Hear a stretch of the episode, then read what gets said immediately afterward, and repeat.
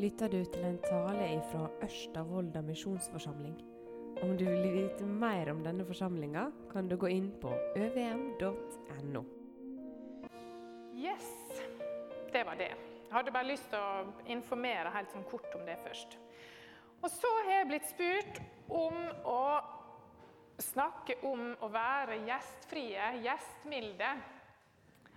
Og jeg har lyst til å si sånn som du sa, Ingeborg, at det, er ikke fordi jeg har liksom, eh, sånn mastergrad i gjestfrihet. For når en jobber med et sånt tema, så møter en seg sjøl litt i døra.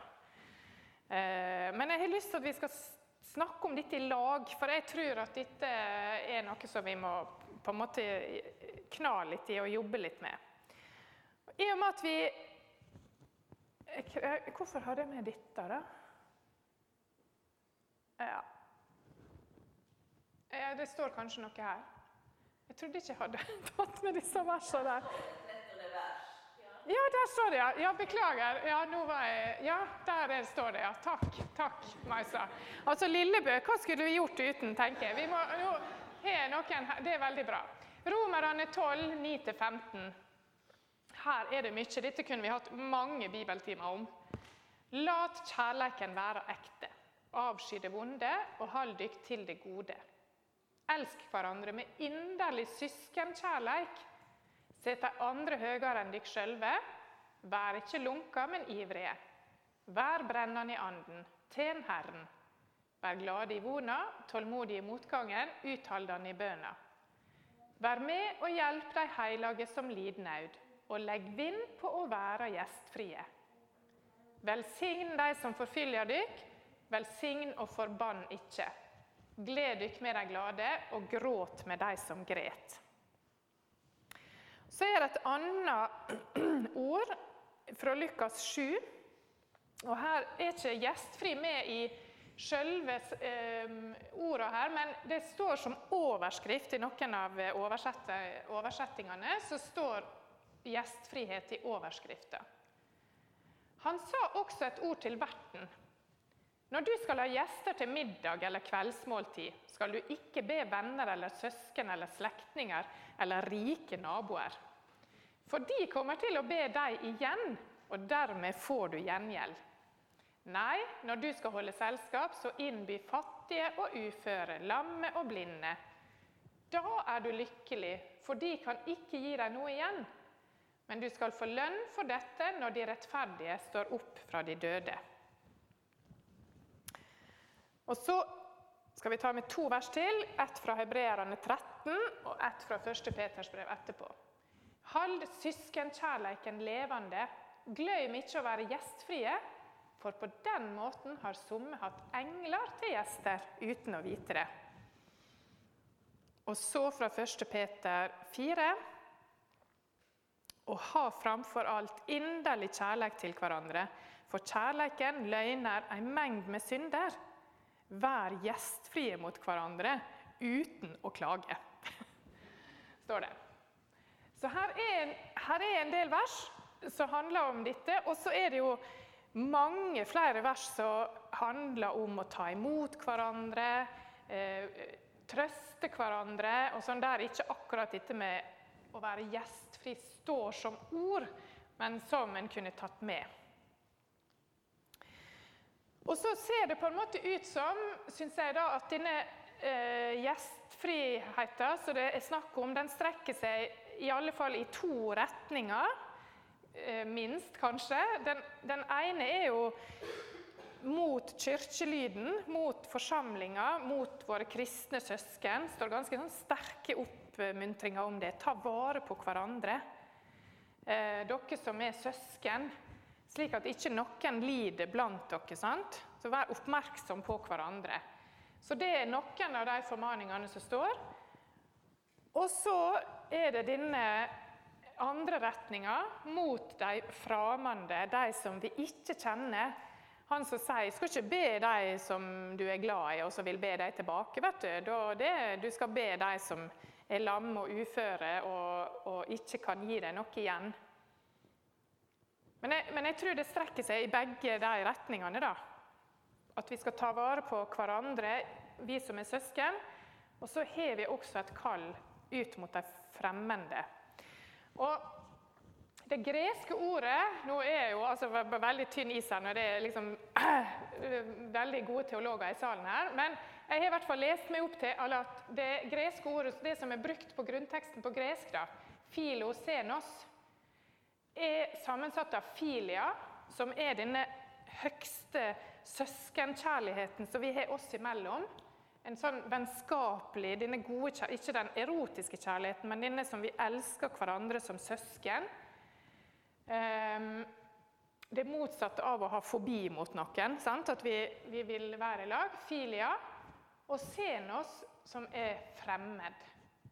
Med andre ord så er det ordet som er brukt i Bibelen, betyr kjærlighet til fremmede. Og dette visste ikke jeg før jeg satt på en sånn podkastinnspilling eh, Kanskje noen av dere Vi laga en sånn podkast fram mot generalforsamlinga som heter Vitnepodden.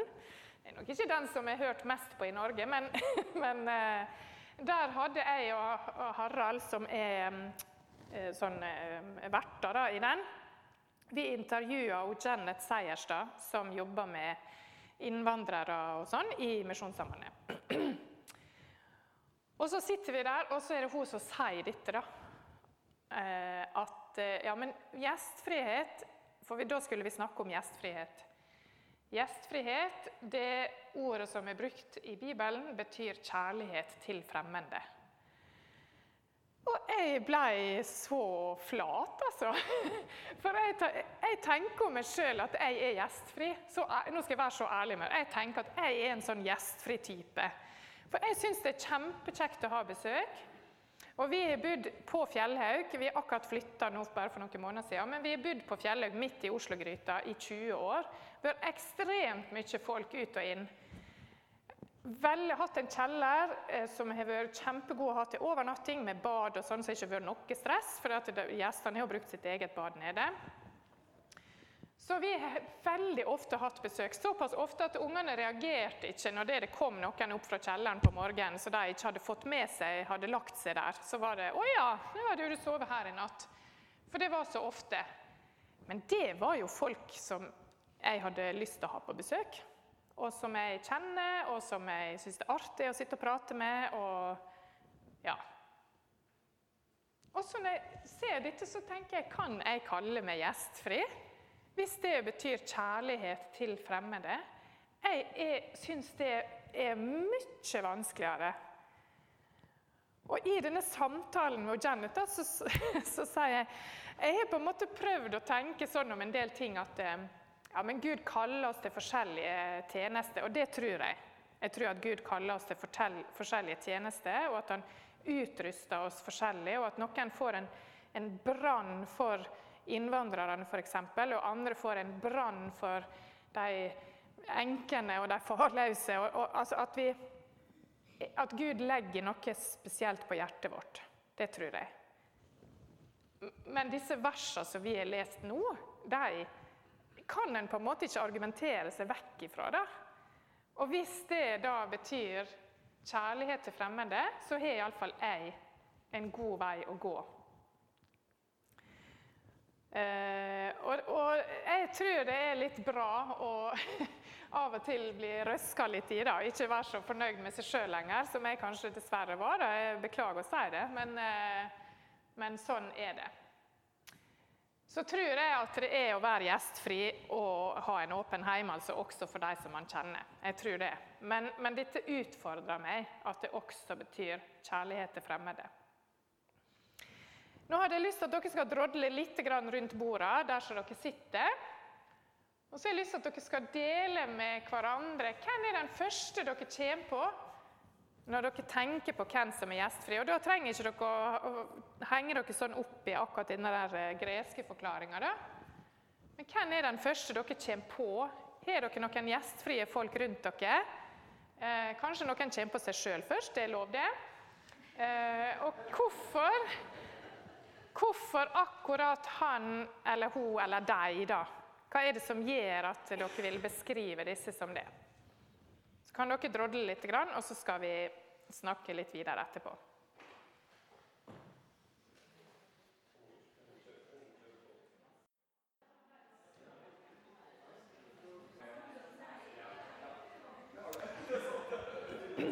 Ja, da eh, hører dere snakker veldig godt, men vi skal gå litt videre. Dere skal få prate litt mer etterpå.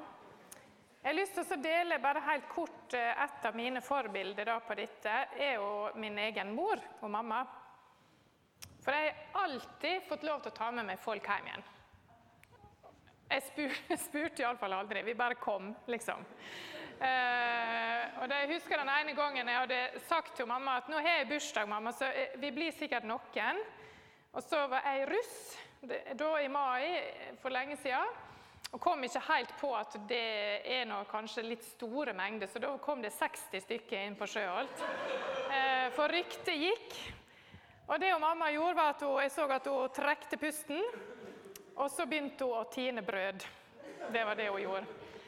Um, så jeg fikk alltid lov å ta med meg folk hjem igjen. Og det var mat, og om det var noen som trengte overnatting, så fikk vi lov til det. Men når jeg ser tilbake, så ser jeg også at og mamma ga ikke meg lov til å være 100% selektiv. Det var litt sånn alle eller ingen. Eh, mamma sa, eh, sa innimellom at eh, ja, hvis du skal invitere, men da må hun med få komme, f.eks. Og Da visste kanskje mamma at det var kanskje ei som jeg ikke hadde så lyst skulle komme. Men sånn passa mamma litt på, og ikke ga meg som et egoistisk barn lov til å velge det sånn 100% sjøl. Det tror jeg er viktig. Det jeg, og det tror jeg er det vi voksne som må modellere eh, på den måten. Så tror jeg noe av nøkkelen hos mamma ligger at hun legger jo overhodet ikke lista noe høyt. da. Brød er brød, og seng er seng, samme hvor dårlig madrassen er. Så det er på en måte, hun stresser ikke med det. og Sånn er vi litt forskjellige. Noen syns det er fryktelig vanskelig å ha besøk hvis ikke alt er helt 100% på stell. Men sånn er vi litt ulike. Og så har jeg også lyst til å si at livet byr på så mangt, så det kan være gode grunner til at man ikke orker å ha en så åpen heim som vi kunne ha da. sant? Det kan være sykdom eller det kan være andre ting som gjør at ikke det går. så en skal ikke nå må vi passe oss å lage et sånt bilde av det, det er liksom det eneste måten å gjøre dette på. Men og mamma er et av mine forbilder på dette. Og så har jeg lyst til å si at hun, tante Ingunn som sitter her, hun er et stort forbilde. For inn i Austefjorden Vi har kommet dinglende i årevis. Jeg er sikker på at du har reddet opp 3000 senger, sikkert mye mer enn det med. Og jeg prøver å si, Nå, nå tenker jeg, nå er jeg snart 50 år, så jeg prøver å si jeg kan reie opp sjøl, tante Ingunn. jeg kan reie opp når jeg kommer, men det er ikke snakk om. Er, så hun, tante er veldig gjestfri, sjøl om jeg tror du blir trøtt og sliten av oss av og til. Gjestfrihet, er det noe en gjør, eller er det noe en lever? Er det, er det handling, eller er det holdning? Jeg tror kanskje det er litt begge deler. At det egen, kanskje det begynner i hvert fall med en holdning, da, tror jeg. Eh, en holdning med at eh, det, og, og, jeg syns det var så fint det som dere delte når det var snakk om givertjeneste. For det er egentlig noe av den samme holdninga at det jeg har fått, det er ikke bare mitt. Det er noe som jeg er blitt velsigna med fra Gud, og så kan jeg velsigne ut til mine medmennesker med det som jeg har fått. At det er sånn en sånn tanke om at eh, det, det er faktisk ikke bare mitt, da, det som jeg har fått. Eh, så kanskje er det både disse handlingene som vi gjør, men også at det ligger en sånn holdning i bunnen her. Og Da er ikke det så, da er ikke det noe vi skal drive og måle på antall besøk i måneden eller antall folk man har eh, invitert. men men en holdning til de man møter på. Og Jeg har lyst til at vi skal ta med oss fra Lukas 10 og ta oss rett og slett tid til å lese denne om den barmhjertige samaritan. For her er noen veldig gode nøkler her, syns jeg. Da Da steg det fram en lovkunnig, og han ville sette Jesus på prøve. Det er utgangspunktet her. Det er en som vil sette Jesus på prøve. Og Så spør han mester, hva skal jeg gjøre så jeg kan arve evig liv? Og Så gjør Jesus som han ofte gjorde, spør tilbake hva står skrevet i lova. Hvordan leser du? Og Den lovkunnige han svarer, du skal elske Herren din Gud av hele ditt hjerte av hele din sjel av all din makt og av alt ditt hvit, og elske nesten din som seg sjøl. Da sa Jesus, du svarer rett. Gjør det, så skal du leve. Men mannen ville gjøre seg rettferdig og spurte, hvem er så nesten min? Jesus tok dette opp og sa. Og Her har jeg bare lyst til å si eh, Den lovkyndige da, han ville jo at Jesus skulle si eh, 'Dette er nesten din', sånn at eh, da kunne han gå ut og gjøre godt mot den. Og så få liksom sjekke av på dette skjemaet som de brukte. Sant? 'Dette budet har jeg holdt', 'dette budet har jeg holdt'. Og så gjør Jesus noe annet. For han forteller da en mann var på vei fra Jerusalem ned til Jeriko. Da faller han i hendene på røvere. De reiv av han klærne og skamslo han. Så gikk de sin vei og let han ligge der halvdød. Så hendte det at en prest kom samme veien. Han så mannen, men gikk utenom og forbi. Det samme gjorde en levitt. Han kom dit, så mannen og gikk rett forbi. En samaritan som var ute på reise, kom òg den veien. Og da han fikk se mannen, fikk han inderlig medkjensle med han. Han gikk bort til mannen, helte olje og vin på såra hans og la forbinding på dem. Så lyfte han mannen opp på eselet sitt og førte han til et herberge og stelte vel med han. Morgenen etter tok han fram to denarer, ga dem til verten og sa:" Sørg vel for mannen, og du må legge ut mer, skal du få det når jeg kommer tilbake. Og så spør Jesus. Så må dere legge merke til hva Jesus gjør her, for han snur om. Den lovkunnige han er spurt hvem er nesten min. Vis meg hvem det er, så jeg kan gå og hjelpe. Så sier Jesus, hvem av disse tre tykker du viste seg som en neste for han som faller i hendene på røverne? Den som viste miskunn mot han, svarer den lovkunnige. Da sa Jesus, gå du og gjør som han. Og Det som er, på en måte ble vanskelig for den lovkyndige her, da, det er at å ja, men da, da er ikke det én spesiell, men da er det den som det er på en måte den som kommer i vår vei. da. For det er klart at Noen er laga sånn at en har lyst til å redde hele verden, men det klarer ikke vi. Det klarer ikke vi. Og jeg i mitt arbeid som sjelsørger jeg får jo lyst til å ha med meg halvparten av disse her jentene som jeg snakker med, hjem igjen og passe på dem noen år. sant? Men det kan jeg jo ikke gjøre. Um, og så sier denne teksten oss noe om at uh, er, Men så er det av og til noen da, som kommer i vår vei. Og det er ikke den samme som kommer i min vei, som kommer i Kajsa sin vei. Det er ikke den samme som kommer i min vei, som kommer i deres vei. Men hvis vi hjelper de som kommer i vår vei, så er det på en måte en tjeneste som vi gjør. Og kanskje er det dette som er de ferdiglagte gjerningene. At det har noe med det å gjøre. Jeg tror å prøve å be om det, da Hvem skal jeg være en neste for? For hvis jeg spør hvem er min neste, så er jo det alle. Og det blir på en måte sånn umulig oppgave. Og av og til så, sånne umulige oppgaver, da, åh, da mister vi helt motet. sant? Hvem er min neste? Ja, det er jo alle. Og så kan vi be til Gud hvem skal jeg være neste for? Hvem er det jeg og vi som familie skal gjøre noe ekstra for? Og Dette handler om det horisontale, dette handler om oss mennesker imellom. Dette er ikke noe vi skal gjøre for å fortjene noe for Gud, og at han skal synes at vi er flinke. eller sånn. Men dette er noe som vi er kalt til å gjøre oss mennesker imellom. Hvem skal vi som familie være en neste for? Hvem skal jeg bruke litt ekstra tid på? Jeg tror kanskje vi skal prøve å be om det, og det er jo litt sånn skummelt. da. For da kan det jo være at vi blir veldig klar over hvem det er vi skal være noe for. Men jeg tror ikke at Gud her gir oss større oppgaver enn det vi klarer å eh, gjennomføre. Da. Så er det dette her kjærlighet til fremmede. Hva betyr det? Jeg tror bare vi må jeg tror rett og slett vi må be Gud om, om hjelp til dette. Hvem er det, Gud, vi, eller jeg, skal bety noe for. Um, og jeg tror at ber vi om det, så får vi uh, noen i fanget. det tror jeg. Jeg tror det er sånn. Jeg har lyst til at dere skal prate litt i lag på bordet igjen. Om det er noe du har merka deg så langt, og om det er noe her som utfordrer deg. Og Hvis det er noe annet dere har lyst til å snakke om, så er dere lov til det. Men eh, snakk litt i lag om disse to spørsmålene her. Eller det er jo egentlig det samme, kanskje. Men ja, vær så god.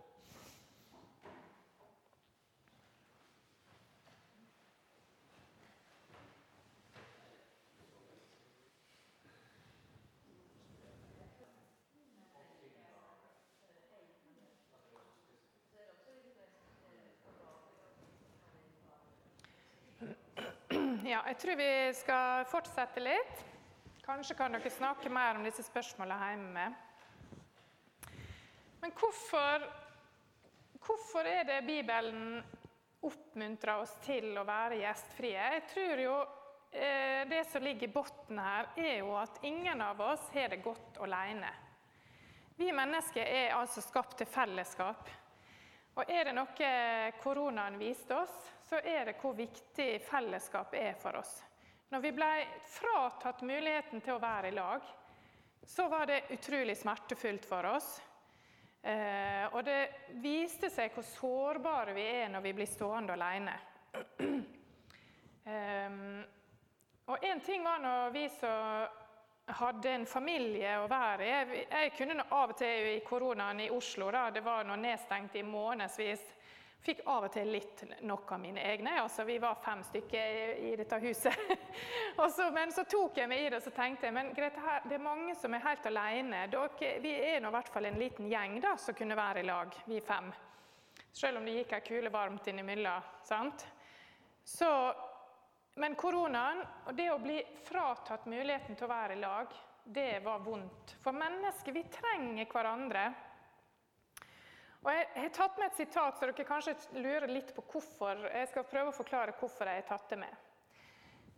Hun her hun er en italiensk psykoanalytiker som har forska på gudsbildet.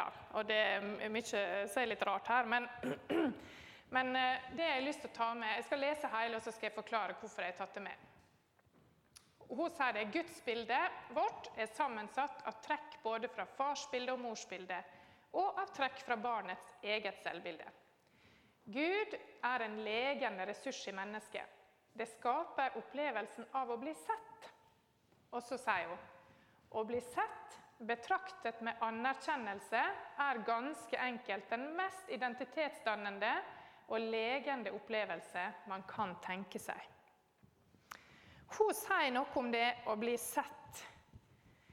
Det å bli sett av noen andre det at noen møter blikket mitt, ser hvem jeg er, inviterer meg enten hjem eller til en prat på gata eller hva det måtte være. En som kjenner meg igjen. Sånn kjenner vi Gud, sant? at vi får møte Han på en sånn måte. Og Det sier hun, det er den mest identitetsdannende. Da forstår vi hvem vi sjøl er i, når vi møter den andre, så forstår vi hvem vi sjøl er.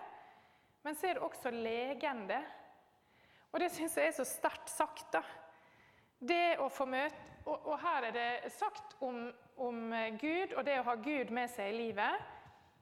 Og det vet jo, det kunne vi snakka mye om. Men her, det å få bli tatt vare på av et annet menneske med, som ser meg, som anerkjenner meg og min verdi, det er en legende og identitetsdannende opplevelse.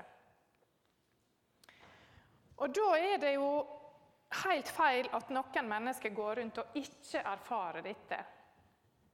Ikke har, det fins mennesker rundt oss som nesten ikke har menneskelig kontakt med andre. Og De som driver og forsker på dette, de sier jo at sånn som samfunnet vårt er i ferd med å utvikle seg, at man kan gå på McDonald's for eksempel, og så kan du handle uten å ha interaksjon med et annet menneske. For du kan bare trykke inn på automaten, betale på automaten, og så kommer det opp et nummer på veggen, og så henter du maten din på en disk. Du har ingen kontakt med et annet menneske. Mange av butikkene våre blir mer og mer sånn eh, at du kan betale bare sjølbetjening. Og mange syns jo det er helt topp. Slippe å stå i kø, bare ordne opp sjøl. Men så forsvinner vi mer og mer fra hverandre. Sånn denne daglige At i hvert fall kan jeg snakke med deg på butikken. da. Nå er det mange rundt oss som mister den muligheten med. Og ikke bli sett og oppleve det legende som det er. Og Det utfordrer oss som enkeltmennesker. Og så til slutt, det siste kvarteret, ti minutter kvarteret, så hadde jeg lyst til at vi skal sette, flytte dette inn i fellesskapet. Hva kan vi gjøre for å bli et gjestfritt fellesskap? Jeg syns det var godt å komme hit i dag, men jeg er jo ikke helt fremmed. da. Jeg kjenner mange av dere, vet, har sett mange av dere før, kan en del navn. Og dere nikker og smiler, og kjekt å se deg, Grete. Sant? Så for meg var det ikke noe vanskelig å komme til deres forsamling. Men hvordan er det for fremmede å komme inn her? Har dere tenkt på det? For det er en kraft i fellesskapet. Alle trenger noen. Og det å inkludere hverandre, det å bli sett Her har dere i hvert fall muligheten, tenker jeg. Det er såpass oversiktlig at dere vet hvis det er noen nye. Snakker dere noe om det? Hvordan gjør vi det når noen nye kommer? Det er kanskje ikke sånn at alle 70 skal bort og si hei, men hvordan gjør vi det? I Storbritannia, i den anglikanske kirke, så snakker de en del om church family. Og har på en måte utvidet ikke, ikke, en teologi akkurat, men, men har en sånn eh, en helt sånn egen tanke om at vi blir jo kalt søsken i Bibelen. Og det er ikke bare noe vi er, det er ikke bare et sånt gøy navn på det, men det er faktisk noe vi er, for vi har den samme far. Vi har felles, en felles far, og derfor er vi søsken på ekte. Og Da sier de at da må det jo være sånn at de som ikke har sin egen familie, f.eks., da må de innlemmes til en av de andre familiene. Så tenker de veldig aktivt på det, snakker aktivt om det, ser seg rundt. Hvem er det? Og det kan jo handle om hvem skal du være neste for? Kanskje er det noen i forsamlinga som ikke har sin egen familie. Kanskje har familie som bor langt vekke. Kanskje er det en småbarnsfamilie som ikke har noe slekt i nærheten. Hvordan kan vi som søsken innlemme hverandre i denne church family, kirkefamilien? Og ikke bare med fine ord, men her er det jo handlingene, sant? de aktive handlingene. Har de som ikke har sin egen familie, noen å ete middag med av og til? Tenk å få en fast tirsdagsmiddag med en familie til en sånn fast holdepunkt i veka at ja, men jeg eter alene de andre dagene, men tirsdagene da får jeg fiskeboller og poteter med de som jeg går i forsamling med. Church family, om å være i lag. Å være fremmed. Hvordan er det å være fremmed her? Og igjen så handler dette både om handling og om holdning. Og så spør jeg meg kan vi gjennom forkynnelsen forkynne dette enda mer. Kanskje kan vi det. Og så har jeg bare lyst til å ta med disse fire som bar den lamme til Jesus. Vi har med oss den barmhjertige samaritan og den fortellinga. Og så har jeg lyst til at vi skulle minne oss på disse fire som bar den lamme til Jesus. Jeg tror det er et eget poeng at det var fire. For Hvis det var én mann som skulle klare å bære en annen lam mann, det er ikke lett, altså. Da er ikke det sikkert at han hadde greid å fullføre den oppgaven og fått den helt fram til der som Jesus var. Men så var de fire stykker i lag, og av og til så er det noen av de som vi skal være neste for, som krever så mye av oss at det er faktisk godt å være flere i lag dele på ansvaret for disse som kanskje trenger så mye ekstra oppfølging. Og så er vi litt sånn Å, ja, men det er så deilig for Gerd. Hun tar dette, vet du. Så deilig for Gerd. Hun inviterer han der som er så travel. Og så blir kanskje Gerd helt utslitt av det. Så der er det kanskje et poeng at det var fire stykker som bar han her lamme, for han var så tung å bære. Av og til kan det være sånne i lag med oss som er litt tyngre å bære enn andre. Og Da skal vi kanskje bære i lag. Og det tenker jeg er helt greit. Det er fint å kunne gjøre det, slik at en klarer hele distansen. da. Eh, som helt sånn avslutning så hadde jeg bare lyst til at dere kan prate litt rundt bordet om Nå hadde jeg ikke skrevet opp inn det spørsmålet, men om hvordan dere som forsamling eh, Både hvordan dere tror det å komme inn her og ikke kjenne noen, og hvordan dere kan være gjestfri forsamling da, for både hverandre og eh, nye som kommer inn. Eh, ja, Kanskje dere bare bruker, så bruker dere tre minutter på det, og så eh, skal jeg si takk etterpå. Så er det avslutninga.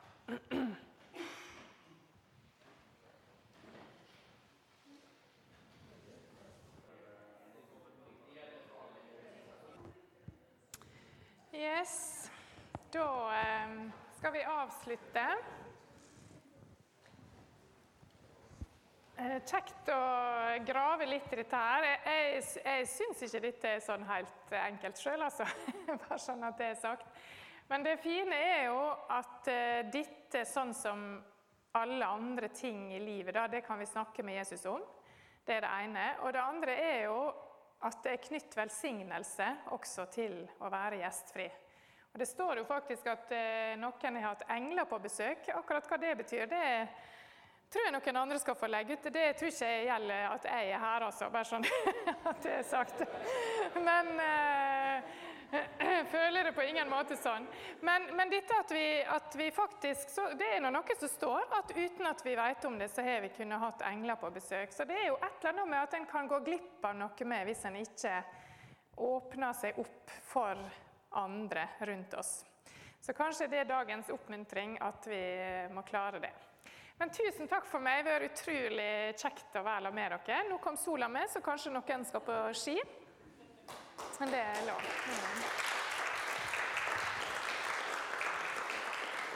Og velkommen innom i Oslo.